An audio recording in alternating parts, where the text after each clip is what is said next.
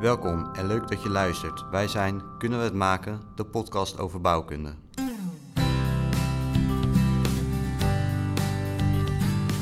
TU Campus is een van de mooiste campussen van de universiteit. Dan had de TU nu dus op een plek gestaan waar het provinciehuis in Den Bosch staat. Grote gebouwen hier, die moesten allemaal eh, geheid worden. Gadegeslagen door een paar giechelende bouwvakkers de heimachine staan te hanteren.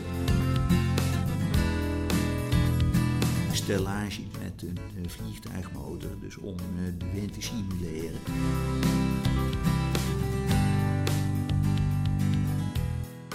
De vorige aflevering was met Hans van der Grinten. We hebben het er met hem gehad over hout en specifiek gelamineerd hout. Deze aflevering een nieuw onderwerp, namelijk over de geschiedenis van de gebouwen op de campus. Onlangs verscheen er een artikel in de Cursor over de historische wandeling op de campus langs de gebouwen. En ons leek het leuk hier dieper op in te gaan om te kijken hoe zijn deze gebouwen nou tot stand gekomen. En welke leuke feitjes zijn er nog meer over die gebouwen te vinden die wij dagelijks gebruiken. We gaan het hierover hebben samen met degene die de wandeling leidt, namelijk Erik Gelen, coördinator van de academisch erfgoed bij de TUE. Welkom. Dankjewel, goedemorgen. Ja, goedemorgen. Ja, je bent hier begonnen uh, op de TUE als medewerker uh, bij de bibliotheek, als ik het goed begrijp. Ja, dat klopt. Ik ben in 1987, is dat, uh, ben ik begonnen als medewerker bij uh, de bibliotheek. En ja, ik heb eerst uh, ja, een hele reeks van jaren heb ik administratief werk gedaan. Dus bijvoorbeeld nieuwe boeken, nieuwe tijdschriften toegankelijk maken in het catalogusysteem van de bibliotheek, zodat ze teruggevonden konden worden. Ik heb receptiewerk gedaan. Dus gewoon ja, de mensen geholpen met het vinden van de informatie waar ze naar op zoek uh, waren. Ja, gewoon de, de dagelijkse dingen, uitleen, administratie, dat, soort, ja, dat soort werkzaamheden. En dat heb ik gedaan in de centrale bibliotheek, die vroeger in het hoofdgebouw was, dus het tegenwoordige Atlas. Over welke tijd spreken we dan? Dan heb je het over uh, ja, jaren 80, 90, okay. uh, begin, uh, begin van deze eeuw. Maar ja, dat was ook al een tijd dat, uh, ja, dat digitalisering uh, sterk opgang ja, maakte, ook in, in het bibliotheekwezen. En vanaf 1995 had de bibliotheek een website. En ja, omdat ik ja, ook ja, van huis uit al redelijk thuis was in de Engelse taal, ben ik toen betrokken geraakt bij het redactieteam van de website van de bibliotheek. En heb ik de de redactie van de, de Engelstalige uh, pagina's van de, de bibliotheekwebsite heb ik uh, verzorgd. En daardoor was uh, de bibliotheek ook een van de eerste ondersteunende diensten op de TU die een uh, volledig tweetalige website aanbood. Dus daar waren, okay. wij, uh, daar waren wij redelijk to the fore mee, uh, zeg maar. Dus die digitalisering was al in gang gezet, maar u heeft echt bijgedragen aan... Aan, uh, ja, kijk tegenwoordig, ja, veel mensen denken bij een bibliotheek nog steeds aan uh, ja, een ruimte met uh, kasten met boeken. Wat, ja. wat het natuurlijk ook nog steeds wel is. Maar als je het nu hebt over de moderne universiteitsbibliotheek, ja, het is veel meer een digitale verzameling van ja, gedigitaliseerde boeken, digitale tijdschriften. En uh, ja, wat je dus de laatste jaren ziet, is dat het uh, aan het verschuiven is gegaan van echt uh, digitale tijdschriften met artikelen. Is het gaan verschuiven in de richting van naar, ja, databeheer. Dus ja, wetenschappers die uh, niet meer publiceren in de vorm van tijdschriftartikelen, maar in de vorm van uh, datasets. Dus is de rol van de bibliotheek ook veel meer in de richting van, uh, van databeheer gaan verschuiven. Ja, maar goed, ik ben dus ja, vanaf het begin dat de bibliotheek een website had, heb ik dus me bemoeid met de Engelstalige presentatie daarvan. Nou, verder is het zo dat ja, in, mijn, uh, in mijn opleidingstijd heb ik een specialisatie gedaan in, ja, in beeldbeheer, dus uh, ook cartografische documenten. Dus uh, ja, vandaar dat ik ja, in de oude bouwkundebibliotheek, die op de vierde etage van het hoofdgebouw zat, nu Atlas. Uh, daar heb ik ook uh, geholpen met het beheer van de cartografische collectie. Dus uh, alle topografische kaarten en dergelijke die, die daar in de collectie zaten. Vroeger had de TU een, een eigen fotografische dienst. Dus al vanaf het begin van het ontstaan van de universiteit is alles wat hier gebeurde, dus de bouw van de gebouwen, de komst van de eerste generatie stu studenten en hoogleraren lustrumvieringen. Nou ja, dat is allemaal uh, gefotografeerd en gefilmd door een eigen fotografische dienst en ook door particuliere fotografen want uh, ja, jullie weten waarschijnlijk wel dat hier tegenwoordig uh, ja, ons aller uh, Bart van Overbeek dagelijks rondloopt om van alles te fotograferen. Nou, in de beginjaren van de universiteit waren er dus ook fotografen zoals de ja, in de regio Eindhoven beroemde Martin Koppens. En ja, fotografen als Van Beurde en Frans van Lieshout. En die, ja, die fotografeerden ook uh, van alles wat hier op de vroege campus gebeurde. Nou, kort na de eeuwwisseling toen, uh, ja, dat was een tijdperk van bezuinigingen. Toen is die eigen fotografische dienst van uh, de universiteit die is uh, opgeheven. En die heeft toen zijn archief overgedragen aan, aan de bibliotheek. Ja, wij, wij moesten dat gaan documenteren. En ja, omdat ik dus in mijn opleiding die achtergrond had van beeldbeheer en cartografische documenten. Daarom heeft toen het management van eh, de bibliotheek mij gevraagd van... Eh, zou jij misschien willen gaan bezighouden met het uh, documenteren van die uh, fotoverzameling die wij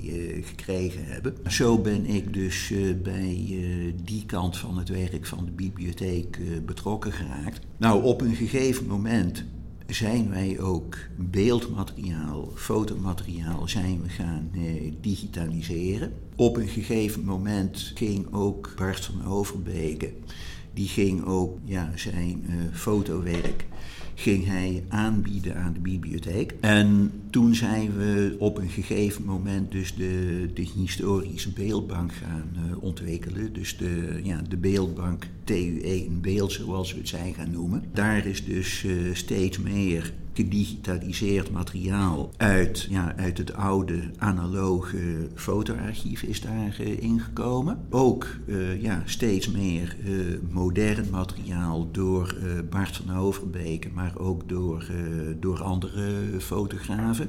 zoals bijvoorbeeld de architectuurfotograaf Norbert van Onna, die jullie ongetwijfeld zullen kennen. En op een gegeven moment zijn we ook bewegend archief in die historie een beeldbank uh, gaan plaatsen. Zoals bijvoorbeeld ja, een uh, film die we hebben gekregen van de vroegere professor uh, Riek van faculteit scheikunde, die, die, die dus ja, hier in dit gebouw werkzaam was destijds. Die heeft een prachtige 8 mm film gemaakt van de bouw van de campus. Dus dat je ziet dat er ja, dat ze met heimachines bezig zijn, met bouwen van het hoofdgebouw en van, uh, en van dit gebouw waar we nu zitten. Dat heeft hij allemaal gefilmd? Nou, hij, uh, hij heeft daar in uh, verschillende fases heeft hij daar filmopnamen van gemaakt. Van eerst in zwart-wit en dan, ja, dat heeft hij dan aan elkaar gemonteerd. En ja, dan zie je het op een gegeven moment naar kleur verspringen. Ja, dat hebben we ook laten digitaliseren en hebben we in onze, in onze beeldbank uh, gezet. En ja, dat is gewoon een, een prachtig stukje bewegend beeld van ja, Eindhoven en de TU in de tijd van, ja, van de wederopbouw na de Tweede Wereldoorlog. Dat is dus- zeker een waardevol stukje materiaal wat je dan in de beeldbank natuurlijk bewaart. Maar de beeldbank is dus ook een best wel uh, veel dynamischere collectie geworden de afgelopen paar jaar alleen al. Ja, zeker. Ja, de, er is uh, steeds meer historisch materiaal bijgekomen. Dus ook uit uh, de vroege geschiedenis van de, van de TU. En ja, soms dan, ja, dan, dan krijg je er zomaar materiaal bij. En een voorbeeld wat ik dan graag noem dat is dan uh, bijvoorbeeld een uh, collectie foto's die ik heb gekregen van uh, Jan Bremer. Dat was een van de, de eerste studenten op de TU en een van de eerste leden van het Eindhovens studentenkoor. Nou, en die kwam op een gegeven moment bij mij langs en die zei van, ja, ik heb nog zelf een reeks uh, foto's van uh, ja, mijn uh, studiejaren vlak nadat de TU werd opgericht en vlak nadat het Eindhoven Studentenkoor was opgericht. En hij vroeg, heb je daar belangstelling voor? En ik zei dus van, nou, reken maar van yes, kom maar met die foto's. En ja, die, die staan nu dus ook in, in onze historische beeldbank. Dus de beeldbank omvat eigenlijk um, materiaal van de campus bijvoorbeeld, hoe het, mhm. zich, het, zich, heeft ontwikkeld, maar ook hoe het studentenleven zich misschien heeft ontwikkeld. Ja, ja, ja. De hele cultuur om de TUE heen. Ja, dus ik, uh, ik heb ook de een en ander gekregen van het koor en van het, uh, van het SSRE. Dus ik heb van verschillende studieverenigingen heb ik ook materiaal gekregen. Dus het is niet alleen maar de campus en gebouwen, maar het is ook studentenleven, het is ook sport, het is ook uh, culturele evenementen. Dus langzaam maar zeker is de beeldbank een heel veelzijdig beeld gaan vertonen van, het van de ontwikkeling van de universiteit. Nou, en dat dus niet alleen maar in het verleden, maar uh, ja, ook, ook in de recente geschiedenis. Hè. Dus ja, bijvoorbeeld Bart van Overbeke heeft fotoseries aangeleverd van uh, ja, de reizen naar Australië met de wedstrijden met de zonnewagen. Ook uh, de studenten van de faculteit bouwkunde die naar uh, Finland gingen om daar met ja, het materiaal pikriet van die ijsgebouwen ja, te gaan neerzetten, weet je wel. Dus modern fotografisch materiaal, historisch fotografisch materiaal, ook filmmateriaal. Lange tijd is het zo geweest dat er een opening zat in wat de beeldbank uh, coverde, zeg maar, tussen het uh, historische materiaal uit de vorige eeuw en uh, ja, eigenlijk een beetje vanaf uh, nou, 2000, 2005, wat we van Bart en Overbeke hebben gekregen. Een, uh, een jaar of uh, drie geleden werd ik, werd ik benaderd door de fotograaf Bram Saijs. Die, die heeft in de jaren 90 en begin 2000 heeft hij veel fotografisch werk gedaan voor de keurzorg. Die kwam uh, toen op een gegeven moment ook naar mij toe en hij zei van uh, ja, ik heb hier een paar verhuisdozen vol met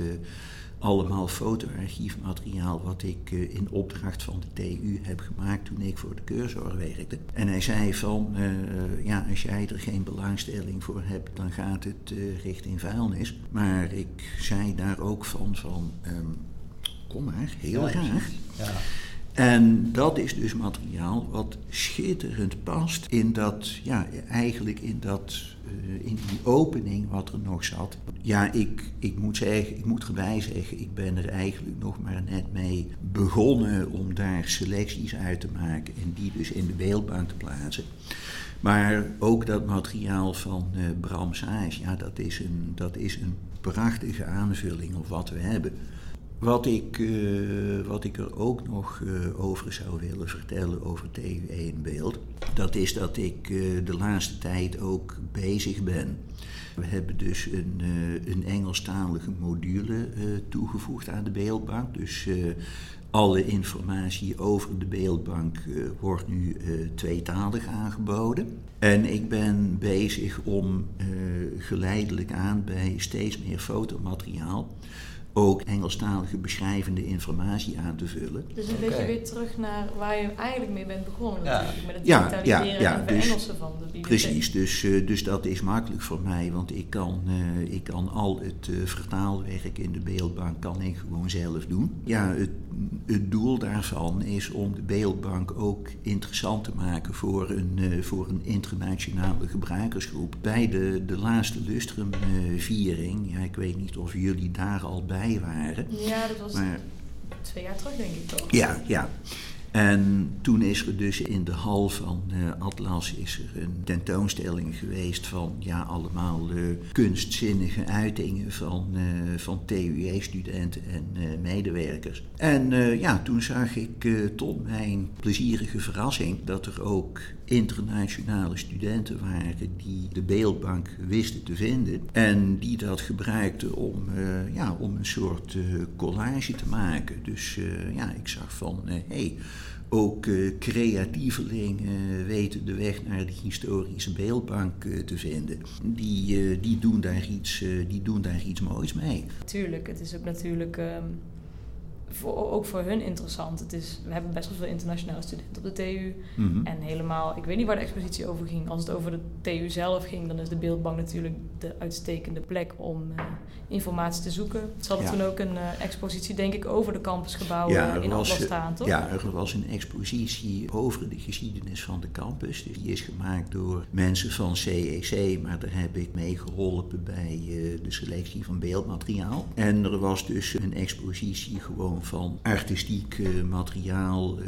wat gemaakt was door eh, studenten en medewerkers van de TU.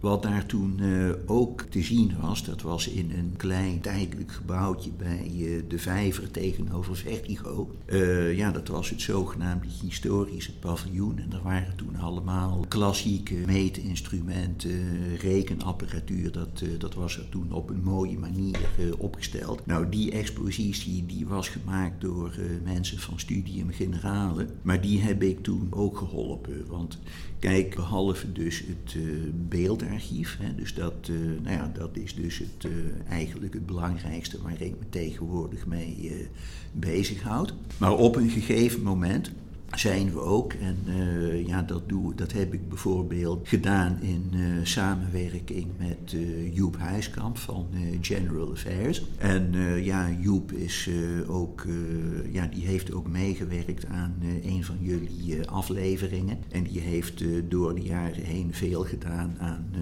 Lustrum publicaties en dergelijke. Nou, en ik heb hem dus ook, ook geholpen met, met beeldredactiewerk voor zijn publicaties. Ja, ook, eh, ook samen met hem en, eh, en andere mensen ben ik binnen verschillende faculteiten en diensten ben ik eh, navraag gaan doen van ja, wat hebben jullie nou aan eh, spullen staan? Wat hebben jullie nog in jullie omgeving? Wat vanuit TU historisch oogpunt de moeite waard is om te bewaren. Kijk, bijvoorbeeld bij de faculteit eh, Wiskunde en Informatica. Daar was een medewerker, Alois Geurts. En die had, eh, ja, die had een prachtige verzameling oude rekenapparatuur en vroege computerapparatuur had hij, had hij opgebouwd. Nou, daar, daar heb ik toen foto's van gemaakt. En die heb ik met eh, gegevens erover, heb ik die ook in de beeldbank geplaatst. En zo zijn we zulke materialen zijn we in kaart gaan brengen. Kijk, en die twee dingen samen, dus het beeldmateriaal en al die klassieke apparatuur. Nou, daarvoor zijn we de term eh, academisch erfgoed zijn we gaan eh, gebruiken. Oké, dus als je het een beetje samenvat, je verzamelt materiaal, beeldmateriaal, fysiek Mhm, materiaal mhm. en je behoudt het ook. Ja, en je bent ja. continu aan het coördineren van wat, wat kunnen we weer aanvullen in ons academische Ja. werkgoed. Ja, en ik hou daarover ook contact met mensen bij de andere universiteiten in Nederland die zich met iets vergelijkbaars bezighouden. Dus er is, eh, ja, dat heet eh, de Stichting Academisch Erfgoed. Dus daar, eh, daar kom ik een aantal keren per jaar kom ik, kom ik daarmee bij elkaar. En dan, ja, dan hebben we het gewoon met elkaar over, ja, waar ben jij nou mee bezig en wat kom jij tegen? Kijk, en dan moet ik er wel bij zeggen, per universiteit loopt dat erg uiteen hoor. Want je, kijk, je hebt de, de oudere universiteiten als Amsterdam en, Utrecht. Ja, da, daar hebben ze gewoon complete universiteitsmusea hebben ze daar. Hè, met uh, ja, wat, alles wat door de eeuw heen uh, verzameld is. -hmm. En dan heb je nog heel jonge universiteiten als bijvoorbeeld Maastricht, waar dat uh, ja, allemaal nog maar net uh, op gang begint te komen. Nou ja, wij met onze ruim uh, 60-jarige TU Eindhoven nemen daar een beetje een middenpositie in, zeg maar. Ja, de TU zelf is natuurlijk ook nog niet zo heel oud. Nee, nee. Ik ben wel benieuwd, want dit is eigenlijk allemaal, het, het, is, het is eigenlijk een soort van historicusbaan die je nu hebt. Je coördineert ook een beetje de historie natuurlijk. Ja, je coördineert de historie inderdaad. Maar mm -hmm. die interesse in, in de historie, die je misschien niet direct vanuit de bibliotheek hebt, mm -hmm. of misschien juist wel, was hij er van jongs af aan al? Ja, ja, ik moet zeggen, ja, daarbij he, hebben een paar onderwijzers op de basisschool, die hebben daar een uh, grote rol in gespeeld. Die man zal ik nooit vergeten. Dat was mijn, uh, mijn leraar in de vijfde klas van de basisschool. En uh, ja, die nam ons, of tenminste de jongetjes die interesse hadden, nam hij mee naar het streekhistorische museum Kemperland. En ja, die, die heeft echt mijn interesse in regionale geschiedenis getriggerd, zeg maar. Ook mijn vader, die, ja, die heeft mijn broers en mij veel verteld over wat hij had meegemaakt tijdens de Tweede Wereldoorlog hier in Eindhoven. Dus hij werkte bij Philips en ja, heeft de, de bombardementen op Eindhoven tijdens de Tweede Wereldoorlog meegemaakt. Ja, daardoor is de, de interesse in geschiedenis ja, bij mij al vroeg ontstaan. Nou, en na de middelbare school heb ik, uh, ja, behalve een uh, bibliotheek- en documentatieopleiding, heb ik de Rijksarchiefschool heb ik gedaan. Dat was een cursus waar, ja, waar ook een grote dosis Nederlandse geschiedenis in zat. Dus, dus vandaar ja, de sterke ja, historische component in mijn opleiding en interesse. En, ja, en, en weet je, om, uh, om het werk wat ik doe leuk te vinden, ja, daar, daar is dat natuurlijk ook, uh, ook essentieel voor. Hè. Dat, uh, ja. ja. Eigenlijk valt alles een beetje samen in deze baan die je nu doet. Ja, dat kan, dat kan je gerust zo zeggen. Ja, ja. ja. ja mm -hmm. Heeft u daarnaast nog hobby's of is echt alles... Nou, ik moet erbij zeggen, soms is de, de grens werk-hobby is een beetje moeilijk te trekken hoor. Dat, ja, ja, ja. Ja, dat hangt er dan een beetje mee samen. Maar ik ben al uh, jarenlang ben ik actief lid van uh, Amnesty International. Dus okay. ik uh, werk mee aan campagnes om politieke gevangenen vrij te krijgen in ja, allerlei landen waar uh, zulke mensen zijn. Dat is een serieuze hobby. Dat, dat is, uh, dat, ja, ja. Is dat het nog mag een hobby? Is het, is het nog een hobby? Mm, nou ja, in, in, ieder geval is het iets wat ik uit een beetje betrokkenheid, maar ook uit persoonlijke interesse doe. En uh, ja, dat, hè, dat gaat dus over vrijheid. Nou, en ook een beetje vanuit ja, die betrokkenheid bij vrijheid, maar ook uh, historische interesse, ben ik vrijwilliger bij het Oorlogsmuseum Bevrijdende Vleugels in Best. Dus daar, uh, daar leid ik uh, in ja, een aantal keren per jaar in de weekends leid ik daar bezoekersgroepen rond. Dat is dus ook de historische interesse. Dus ja, dat ligt allemaal redelijk in lijn met elkaar, zeg ja, maar. Precies. Het zit ja. allemaal, er zit best wel wat samenhang in, mm -hmm. inderdaad. Ja. Um, ja, ik denk dat we, want we hebben nog wat korte vraagjes, het vragenvuur, waar we meestal een beetje de gasten een beetje mee warm maken. Misschien mm. hebben we al een paar dingen gecoverd, want we hebben al best wel een uh, flinke intro gehad. Met aardig warm al. Ja, met al aardig warm gedraaid, maar we ja, doen nog wel uh, mm. een paar korte vraagjes. De bedoeling is gewoon dat je daar uh, een kort antwoord een ja of een nee op geeft. Mm -hmm. Oké. Okay. Dus -hmm. wil jij de eerste stellen? Ja, is goed. Uh, studenten zouden meer kennis moeten hebben over de historie van de TUE. Nou, het zal je niet verrassen dat ik daar gewoon zonder meer ja op zeg. Ja. en ik denk dat dat ook gewoon interessant is, zeker voor bouwkundestudenten. Hè? Want uh, ja, kijk, bouwkunde is een studie met uh, ja, toch ook wel een beetje een, een alfa- en softe kant, zeg maar. Hè? Er zit een er zit een culturele en een kunstzinnige kant aan, zeker, zeker de architectuur. Ja. Daarom denk ik dat het zeker voor bouwkundestudenten interessant is om iets te weten van uh, ja, wat is een beetje de, de achtergrond van de universiteit waar, waar ze studeren. Ja, zeker. En, van, uh, en van de stad waar ze studeren. En als we hem anders stellen, studenten hebben te weinig kennis over de historie van de TE? Nou ja, ik weet het niet. Ik, ik denk dat er hier zeker bij de bouwkundefaculteit best wel uh, de nodige mensen zijn die daar een beetje van weten. Ja. Uh... Oké. Um, ondertussen hebben we alles wel al in kaart gebracht over de geschiedenis van de TUW.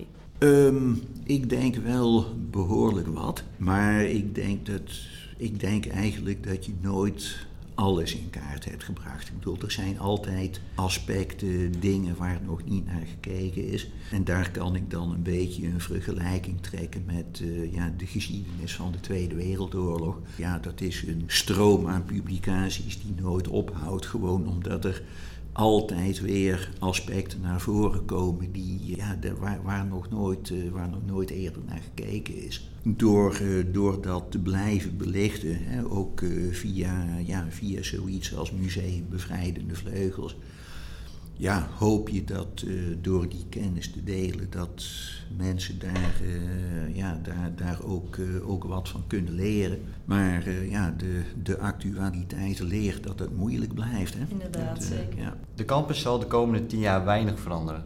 Um, nou, in tegendeel. Ik denk dat de campus heel erg gaat veranderen. Dat is zeker niet waar. Dat is zeker nee. niet waar, nee. De TUE heeft de mooiste campus? van Nederland? Nou, misschien, dat misschien niet direct, want bijvoorbeeld ook de Universiteit in Tilburg, dat is een heel mooie campus met veel groen. Maar ik denk wel dat, dat de TU-campus een van de mooiste campussen van de universiteiten in Nederland is. Dat okay. denk ik wel. Ja. Okay. De wandeling die ik verzorg is het leukste wat ik doe op de TU. nou, wel, wel een van de leukste dingen. Okay. Ja hoor, ja. ja, ja. Oké. Okay ja, u zegt het is een van de mooiste campussen. Maar heeft u dan ook alle universiteitscampussen bezocht uh, over heel Nederland? Dat weet u nou, dat zo? ik ben, ik ben wel... Uh, kijk, want uh, ik vertelde jullie net dat, dat ik in dat contactorgaan zit van... Ja mensen bij de verschillende universiteiten die zich ook met erfgoed bezighouden. Dus uh, ik heb ondertussen toch uh, de nodige universiteiten in Nederland bezocht.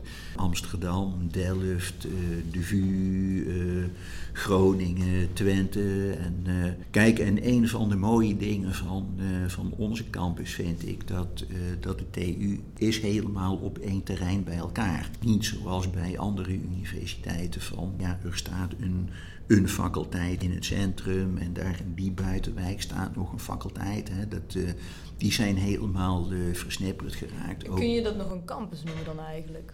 Uh, nee, nee, want ja, kijk, campus betekent veld. Hè, dus als je zegt een campus, ja, dan heb je het dus over ja, echt een, een terrein waar de universiteitsgebouwen staan. Ja, en is het dan en, ook zo mhm. dat, um, dat een geslaagde campus. Wat, mhm. of, wat zijn in jouw ogen de aspecten die bij een geslaagde campus horen? Iets waar je op een mhm. fijne manier op nou, kan lopen kan zijn. Ja, ik denk dat in ieder geval wat, wat helpt om een campus geslaagd te maken. En daar is volgens mij de TU-campus een uh, goed voorbeeld van. Dat is dat dit is gebouwd met een vooropgezet plan. En dat ja, een goede structuur, een goede samenhang tot, uh, tussen de gebouwen, dat daar vanaf het eerste begin al uh, aan gedacht is. Nou, en dat is iets wat architect van de TU-campus van Emden, die heeft dat zonder meer gedaan. Want uh, nou ja, hij heeft dus ook met, met als voorbeeld de Technische Universiteit in Zurich heeft hij dus de gebouwen bedacht met een stelsel van loopbruggen ertussen. Ja, dan moet je dus wel bedenken dat Van Emden de campus ontwierp in het pre-digitale tijdperk. Dus ja, fysiek contact was in die tijd ja, nog belangrijker dan het nu was, denk ik. Maar hij heeft dus de, de campus echt bedacht met het idee van dat via die luchtbruggen de studenten en de medewerkers makkelijk van de ene afdeling naar de andere toe konden wandelen. En ook makkelijk met elkaar in persoonlijk contact konden komen. En het eerste campusplan was dat ook um, dan de, kamp, de, de, gebouwen die daadwerkelijk de loopbruggen hebben. Dus hoort daar Vertigo ook bij, Auditorium Atlas. Zijn dat allemaal gebouwen die in dat eerste plan zaten? Nou, het eerste plan was eigenlijk het rijtje, ja, wat, wat nu dan heet uh, Atlas, Luna, Vertigo. Dat, dat, dat, dat is eigenlijk het eerste wat, uh, wat Van Emden bedacht heeft omdat de groei van de universiteit veel harder ging dan, ze, dan waar ze aanvankelijk van uitgingen, uh, is daar later het, uh, het auditorium bijgekomen.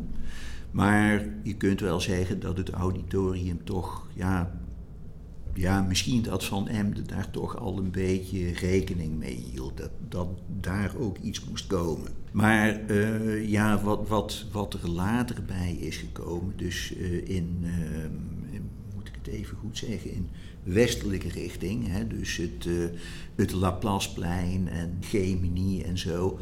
Dat, dat is allemaal later gebouwd en maakte eigenlijk ook geen deel meer uit van uh, het ontwerp van Van Emden. Ik bedoel, dat, dat, dat kun je ook een beetje zien. Hè? Ik bedoel, die, die samenhang is daar eigenlijk alweer een klein beetje minder. Oké. Ja.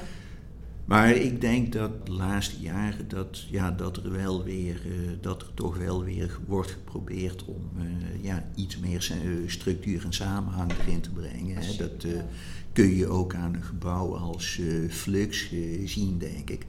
Ja, Flux en, en, Vertigo hebben een beetje een correlatie. En wat ze met Laplace aan het doen zijn, dat proberen ze denk ik ook weer wat dichter bij de ontwerpen van bijvoorbeeld het Atlasgebouw. Ja, ja dus, uh, dus aanvankelijk, of, of nou ja, het, het, was even het idee om dat uh, te gaan afstoten.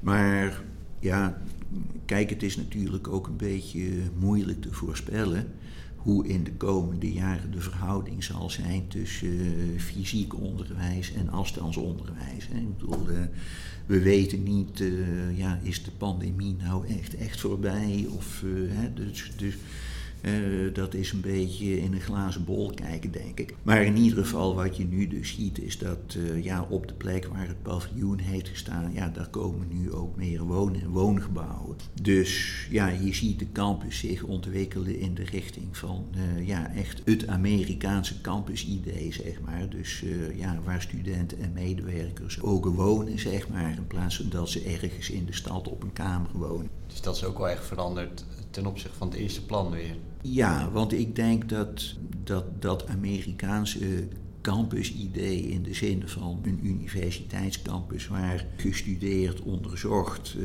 maar ook geleefd en gewoond wordt. Ik denk dat dat er aan het begin nog niet zo in zat. Dat is er pas, eh, die gedachte is er pas later bijgekomen. Ja, want wat was de functie van het Luna-gebouw uh, voordat... Uh, was het altijd al voor woningen? Of is het nee, Luna-gebouw eerst iets anders geweest? Het, uh, het Luna-gebouw, dat is eerst de, de vestigingsplaats van de faculteit elektrotechniek geweest. Dus wat ah. nu electrical engineering ja. heet. Oké, dus dat is daarna gerenoveerd naar huisvesting voor met name internationale studenten. Want ik ja, denk dat ze daar ook vooral uh, gebouwen op de campus voor bouwen, zodat zij toch wel een beetje controle hebben dat er altijd huisvestingsmogelijkheden zijn voor mhm. internationale studenten die het toch best wel moeilijk hebben om in Eindhoven een kamer te krijgen. Ik weet van mensen die zich daarmee bezighouden dat dat moeilijk genoeg is. En dat was niet echt onderdeel van dat eerste plan, internationaal? Ik, ik denk toen de TU uh, werd opgericht. Hè, dus uh, ja, in de, de onmiddellijk na Tweede Wereldoorlogse periode, zeg maar. Nou, dat was een tijd uh, ja, dat, uh, dat de schade van de Tweede Wereldoorlog hersteld moest worden. Ja.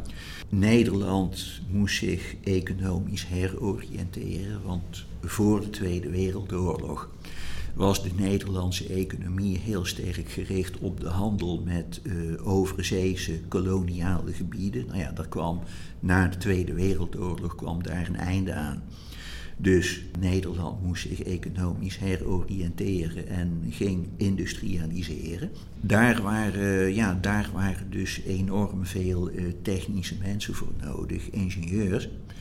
En ik denk dat het toen echt ging om de wederopbouw van, uh, van Nederland. En ja, internationalisering, dat speelde in die tijd nog niet zo heel erg. Ik denk dat dat echt iets is van de, ja, van de laatste kwart eeuw, zeg maar. In, ook, ook in, mijn, uh, in mijn eerste TU-jaren, die late jaren 80, jaren 90, ja, kwam dat al wel een beetje op. Uh, zag, je, zag je al meer internationale studenten komen. dus uh, vandaar ook die bemoeienis van mij met ja. Uh, ja, de, de Engelstalige informatie van de bibliotheek. Maar ik denk dat het echt in de 21ste eeuw dat de internationalisering van de universiteit echt op gang is gekomen. Zeg maar. Is dat ook die ontwikkeling waar u het net over had? Van nou, integendeel, de universiteit gaat nog wel flink ontwikkelen of de campus gaat nog flink ontwikkelen. Ja, zeker. Jullie zullen misschien de kreet uh, schaalsprong uh, al wel eens uh, gehoord hebben. Dus de bedoeling is om het aantal masterstudenten op de universiteit om dat flink te gaan, te gaan uitbreiden. Okay. En ja, daar, uh, daar spelen blijkbaar ook uh, internationaal politieke motieven een rol bij. Hè, van, uh, ja, we, we willen voor ja, onze techniek minder afhankelijk worden van ja, buitenlandse grootmachten waar het ja, qua ons idee van mensenrechten en zo niet helemaal uh, kosher is. Ja. En uh, ja, dus hebben we zelf meer uh, brains nodig om die technologie te blijven doorontwikkelen. En ja, daardoor zal er een nog groter aantal technische mensen moeten komen. En ja, dat, dat hangt dan samen met die schaalsprong. Dus, ja. ja. Mm -hmm. Nee, oké. Okay. Even teruggaand op wat, wat u voorheen zei hè, over de... Um, de wederopbouw, de TU is toen ongeveer gevormd. Mhm. De, ja, wat is de exacte reden dat we in Eindhoven een universiteit hebben gekregen? Is het echt is het Philips geweest? Is dat een grote ehm, factor geweest? Voor, voor, een, ja, ja, ja, zeker weten. Nee, kijk, na, na, de Tweede Wereldoorlog was er dus die, uh, ja, die grote behoefte aan hoger technisch personeel. Die behoefte was er natuurlijk voor een heel groot deel bij een bedrijf als Philips. Maar niet bij Philips alleen. Er was hier in Eindhoven was er ook DAF. Uh, je had in Zuid-Limburg ook, uh, ook de staatsmijnen, waar uh, veel behoefte was aan, aan ingenieurs. Nou ja, na, na de oorlog werd er dus een staatscommissie ingesteld die er dus over na moest gaan denken van hoe moeten we gaan voldoen aan die behoefte aan hoger technisch personeel. Nou, toen is er al vrij snel na de Tweede Wereldoorlog vastgesteld van naast de universiteit in Delft moet er een tweede technische universiteit uh, komen. Nou, er werd gezegd die moet uh, buiten de Randstad komen. En ja, toen werd er dus ook al vrij snel gezegd, nou ja, Twente was eigenlijk ook al een beetje in beeld. Maar er werd gezegd, voor eventueel een derde technische universiteit die er ook gekomen is. Maar die tweede universiteit die moest in het zuiden van Nederland komen. Ja. Nou, toen lag het natuurlijk al uh, tamelijk voor de hand dat, uh, ja, dat het Eindhoven zou worden vanwege Philips en DAF. Oké. Maar een, een helemaal uitgemaakte zaak was dat nog niet. want ja, die staatscommissie uh, waar ik het net over had, daar zat Theo Trom bij. Dat was toen de tweede man bij Philips. En ja, dat was uh, iemand die al sterk lobbyde voor Eindhoven.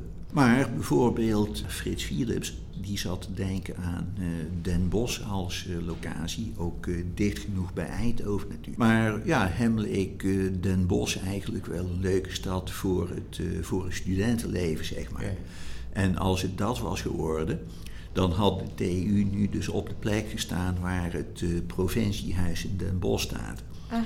Maar uiteindelijk is het, dus, is het dus toch Eindhoven geworden. En een belangrijke selling point was dat, ja, behalve de aanwezigheid van Philips en DAF, dat Eindhoven vlakbij het centrum van de stad nog een heel groot stuk open terrein had. Ja, want dit was voorheen eigenlijk gewoon wij. Ja, dat, dat kwam omdat door dit terrein loopt het riviertje de Dommel, ja. waardoor het altijd uh, drassig was. En waardoor het dus uh, door de eeuwen heen altijd onbebouwd bleef. Ja, dat betekende dus, uh, nou ja, Eindhoven had dus een prachtig stuk open terrein waar je dus zo'n campus kon ontwikkelen. Maar het betekende dus wel dat uh, ja, alle grote gebouwen hier, dus Atlas, Vertigo, Luna, die moesten allemaal uh, geheid worden. Nou ja, je ziet dus in onze historische beeldbank een prachtige foto van de, de toenmalige minister-president Drees die ja, gade geslagen door een paar uh, beetje giechelende bouwvakkers uh, de heimachine staat te hanteren om de eerste paal van, uh, van Atlas te heien. Was het dan ook wel echt zo'n pioniersding in Eindhoven zelf, dat er hoogbouw geheid moest worden? Of was het wel wel het was, gebruikt wordt? Het was zeg maar bouwtechnisch was het best een beetje pionieren. Kijk, want ja, je had natuurlijk wel de hoge kerktorens, hè, de, de Domtoren, de Martini-toren, maar, maar echt hoogbouw van dit type, zeg maar, dat was in die tijd nog relatief nieuw in Nederland dus je had, uh, je had natuurlijk uh, ja, de, de overbekende Van Helle fabriek in Schiedam. Mhm. En je had het beursgebouw op de Koolsingel in Rotterdam, die er al uh, voor de Tweede Wereldoorlog stonden. Maar verder was er met hogebouw op deze schaal, was nog maar vrij weinig ervaring in Nederland. Dus ja, dat moest wel goed bekeken worden hoe, hoe dat, dat allemaal geheid moest worden. Maar dat is uiteindelijk allemaal wel goed gegaan? De gebouwen mhm. hebben niet schade of ja, de, de kleine, het waren nee, foutjes die er zijn, in zijn gemaakt. Voor zover ik weet niet. Maar ik zag bijvoorbeeld uh, in jullie uh, vragenlijstje zag ik ook de vraag staan naar de test met uh, de, de vliesgevels. Die, ja. ja. er moest gekeken worden of ze wel stormbestendig zouden zijn. En in onze beeldbank staan dus ook foto's van die uh, stellage die er toen gebouwd is met een uh, vliegtuigmotor, dus om uh, de wind te simuleren. Dus ja, dat, dat was ook een voorbeeld van dat er dus goed gekeken moest worden van zorgen dat we dat allemaal goed berekenen en voor elkaar krijgen, zeg maar. Ja. Maar nee, ik, ik, ik heb in ieder geval nooit gehoord van ernstige gebreken of zoiets aan de gebouwen. Ik bedoel, er zal misschien ooit wel eens een raam van afgewaaid zijn. Maar weet ik veel. Maar, uh, maar ik, in ieder geval, ik, volgens mij hebben de bouwingenieurs in de jaren 50 uh, eh, toch wel uh, goed hun werk gedaan. Dus dat was een best wel succesvol pioniersproject eigenlijk. Ik, ja, ik dacht. Zijn ze met één gebouw begonnen? Zijn ze met en, welk gebouw dan? Zijn ze met Atlas begonnen? Ze zijn begonnen met het paviljoen, dus vanuit het station gezien helemaal achteraan op de campus. De, dat was een noodgebouw. Nou ja, een beetje ja en nee. Kijk, een noodgebouw, dan, uh, dan stel je je eigenlijk uh, ja, iets uh, van, van hout voor. Aanvankelijk was het de bedoeling dat zo gauw als Atlas, Vertigo, Luna zouden zijn opgeleverd, dat het paviljoen meteen weer gesloopt zou worden. Maar goed, jullie weten waarschijnlijk wel dat het er uiteindelijk ruim 60 jaar gestaan heeft. En dat komt ook een klein beetje, ja, zo helemaal noodgebouw was het nou ook weer niet. Hè? Ik bedoel, er waren ook uh, stenen elementen, er was een, toch een betonnen skeletconstructie. Mm En ook toen het dus niet zo lang geleden gesloopt werd, toen, uh, toen is het dus niet met uh, de bulldozer helemaal platgewalst, maar het is uit elkaar gehaald om de bouwelementen die daar nog geschikt voor waren, om die te hergebruiken. Ook op campus of uh, elders? Uh, nou, al, allebei volgens mij. Oké. Dus eh, ja, dat, dat zou je mensen hier op de faculteit moeten vragen. Maar Wat volgens mij geweest. zijn er nog bouwelementen die bewaard worden om te kunnen hergebruiken. Maar goed, het paviljoen, dat was dus het, eh, het eerste gebouw op de campus. De volgende fase, dat was de bouw van de hallen. Dus zeg maar wat nu de, de laagbouw van Metaforum is, de vroegere weehal. En dan ook de, ja, wat nu gebouw Matrix is. Kijk, en de gedachte daarachter was dat toen de TU begon, was het idee dat, dat de studenten s'morgens theoretisch onderricht zouden krijgen. En dat ze dan s smiddags praktisch aan de gang zouden gaan in, eh, in de laboratoria. Oké. En die laboratoria die werden dus gevestigd in die, eh, in die hallen. Ja. De derde fase was dus de bouw van Atlas, Luna en Vertigo.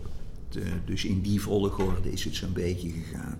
Ja, dat is toch wel... eh, er zitten echt totaal andere functies nou in. Want, eh, Het, eh, het is heel sterk veranderd. Maar daar moet ik dan wel bij zeggen dat, ja, hè, dat dat is dan ook een van de sterke punten van het ontwerp van Van Emden.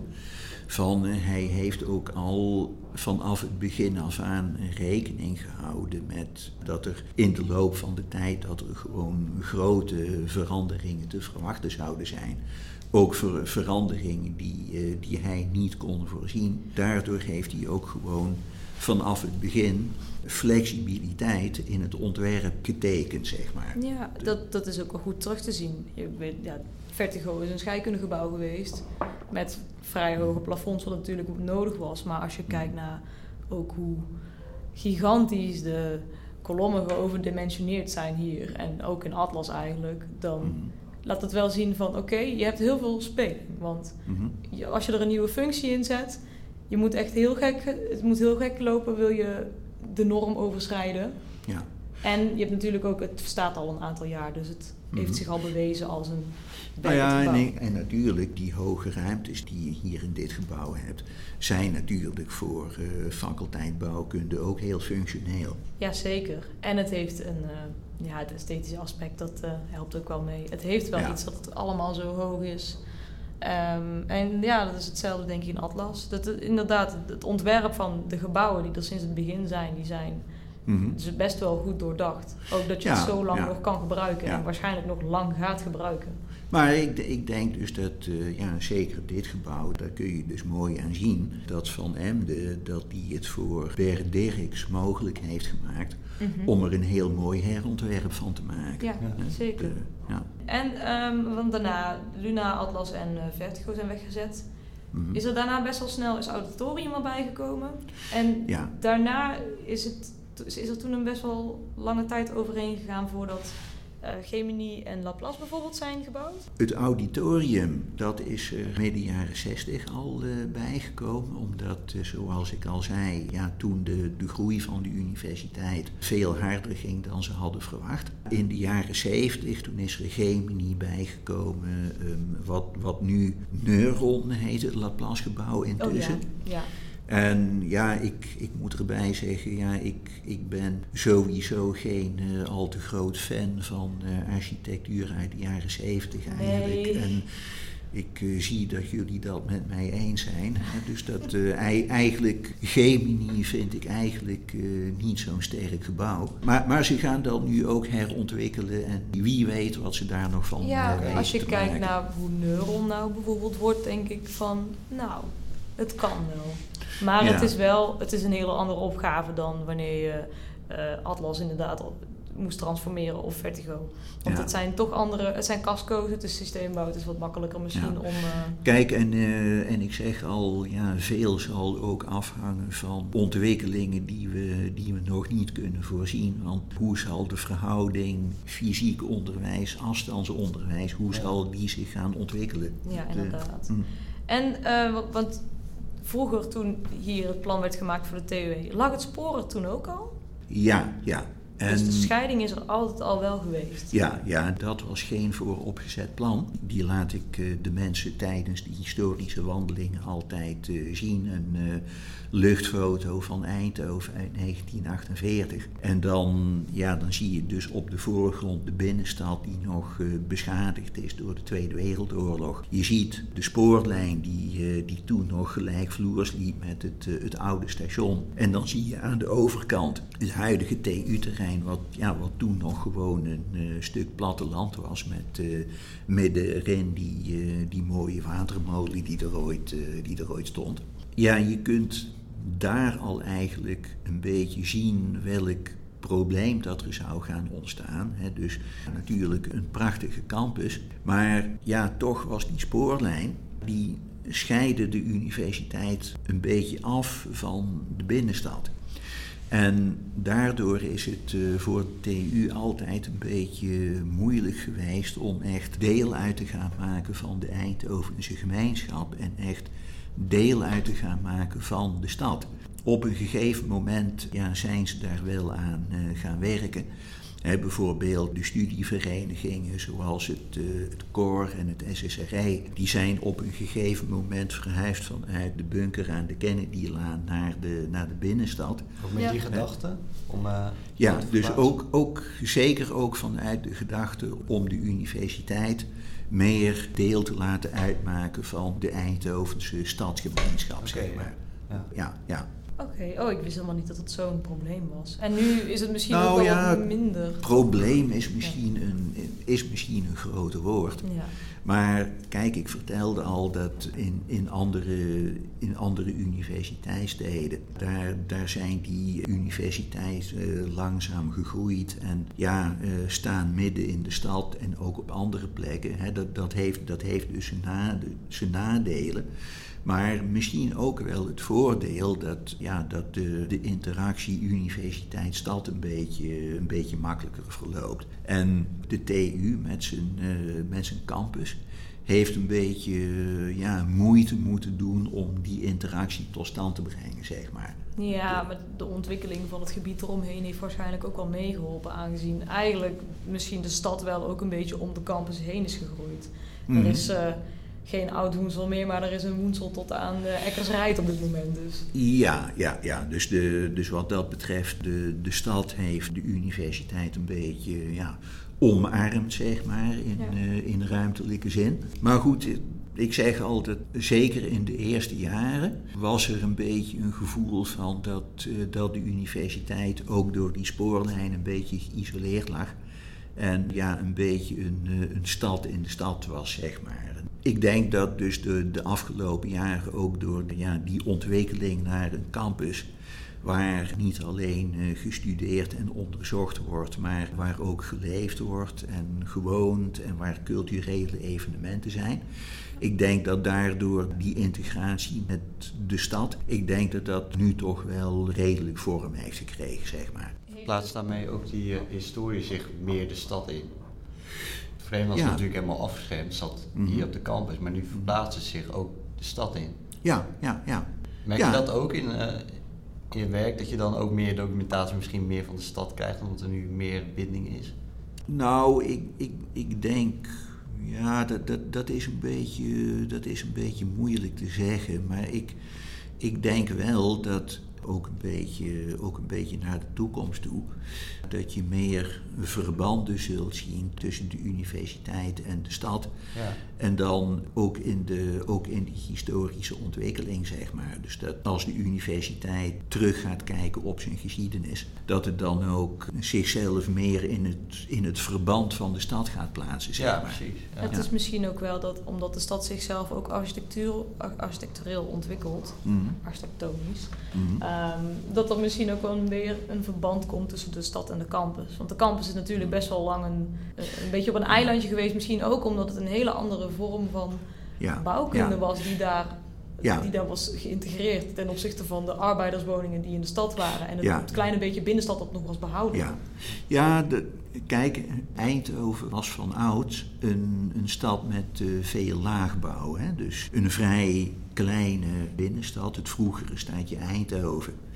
En de omliggende vroegere dorpen, Woensel, Strijp, Gestel. Kijk, ik heb, ik heb mijn hele leven al zo ongeveer in Eindhoven gewoond. En ik, ik weet nog wel dat vroeger viel het mij al op dat als je in andere steden kwam, zat je al vrij snel tussen, voor mijn toenmalige gevoel, vrij hoge gebouwen. Eindhoven, was, ja, de buitenwijken waren allemaal gewoon gezinswoningen. En alleen in de binnenstad kwam het wat hoger. Daardoor was dat, dat TU-terrein met al die hoge gebouwen, dat detoneerde ook een beetje met de rest van de stad. Ja, een beetje een vreemde buiten. Ja, nu zie je dat de stad Eindhoven als geheel zich ook uh, heel sterk ontwikkelt met meer hoogbouw.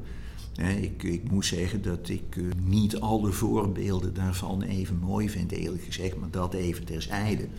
Maar ik denk wel dat doordat de stad Eindhoven als geheel zich ja, nu wat grootschaliger en ook meer in de hoogte gaat ontwikkelen, dat die tegenstelling tussen het universiteitsterrein en de rest van de stad, dat die ook in een ruimtelijke zin dat die wat minder groot wordt. Ja, ja en misschien ook de aangenaamheid van de, op de campus zijn. Ik vind vooral het deel hier tussen auditorium, Atlas en Vertigo. Dat is een hele fijne plek om te lopen. Om, er is geen autoverkeer. Je kan er makkelijk met de fiets. Er is veel groen. Mhm. Het maakt het best wel aangenaam om er te zijn. En ook vanuit de stad om er te komen. Ik weet oh. dat nou ja, een groot deel van de campus is nog steeds best wel autodominant.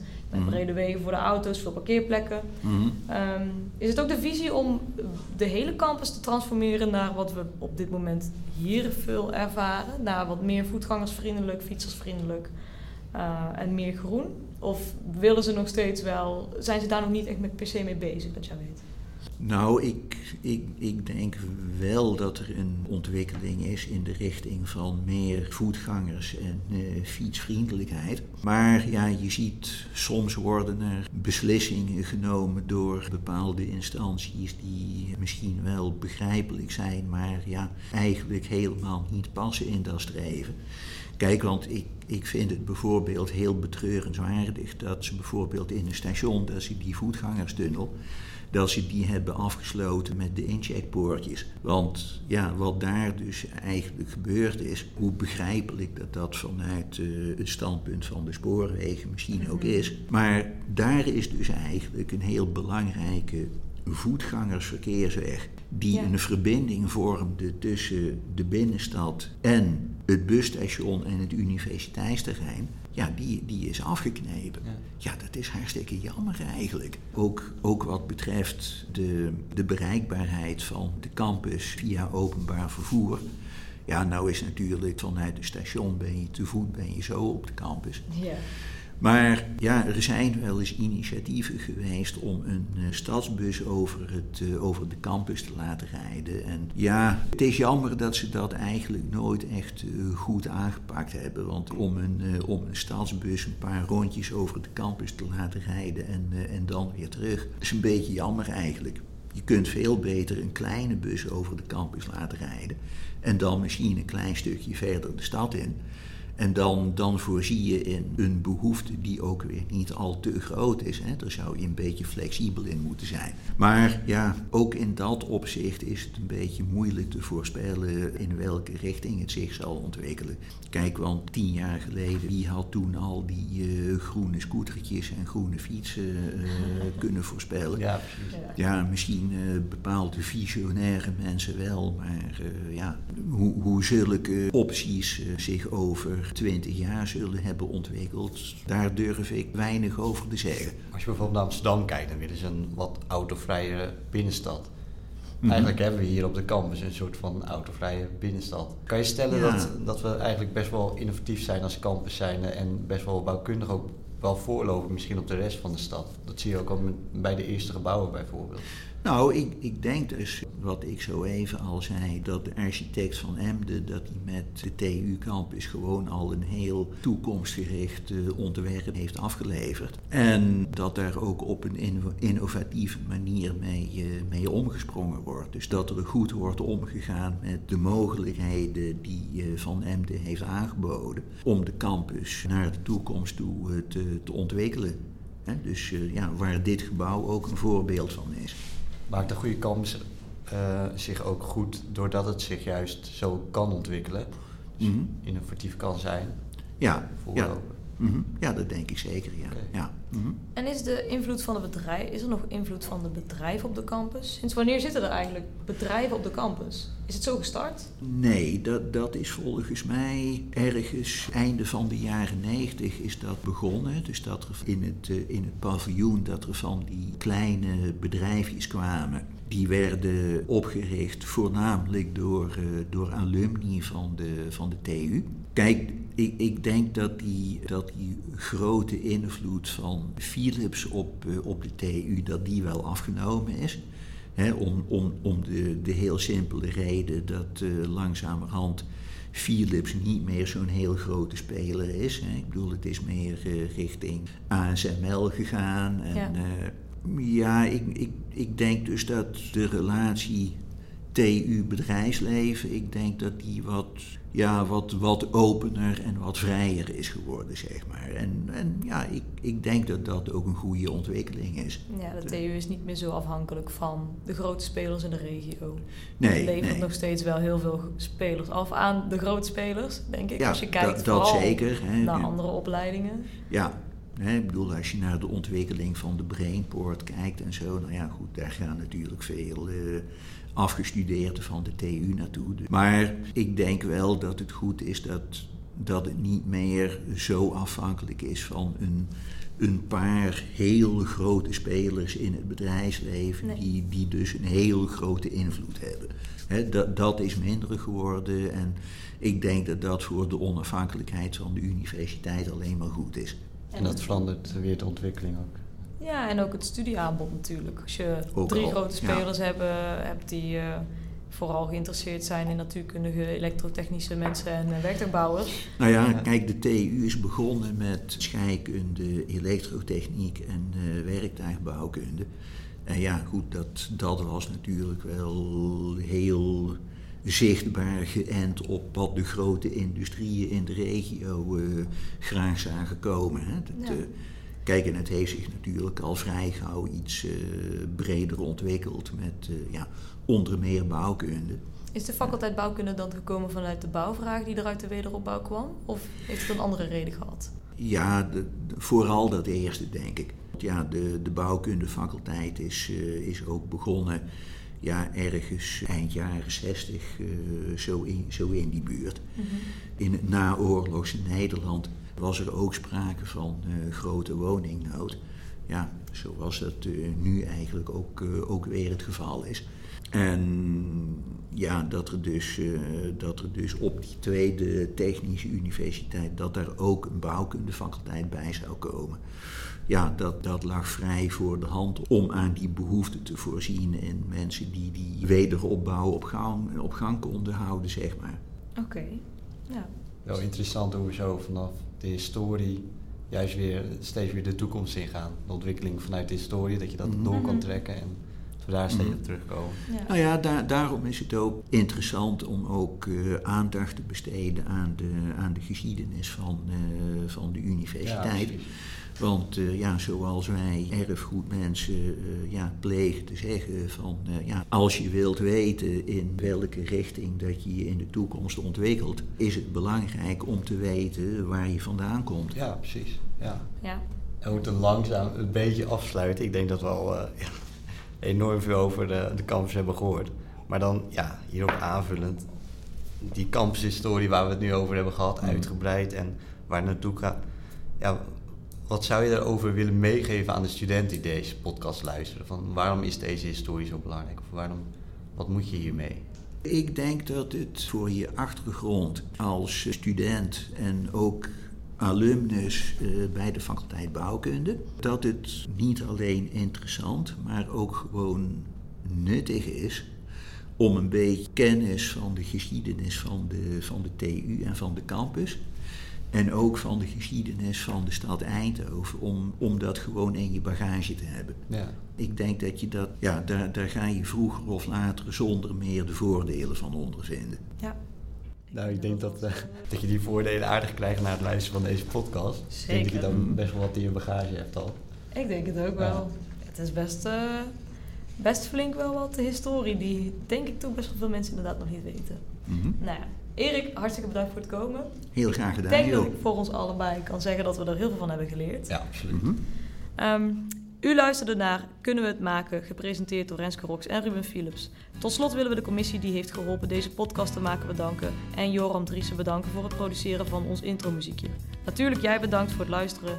Wil je graag reageren op deze aflevering? Dan kan dat door te mailen naar podcast.koerstw.nl of door ons te volgen op Instagram, @koersief. Geef ons nu ook sterren op Spotify, waardoor onze podcast beter gevonden kan worden. Over een maand zijn we terug met onze volgende aflevering. Voor nu bedankt voor het luisteren en tot ziens.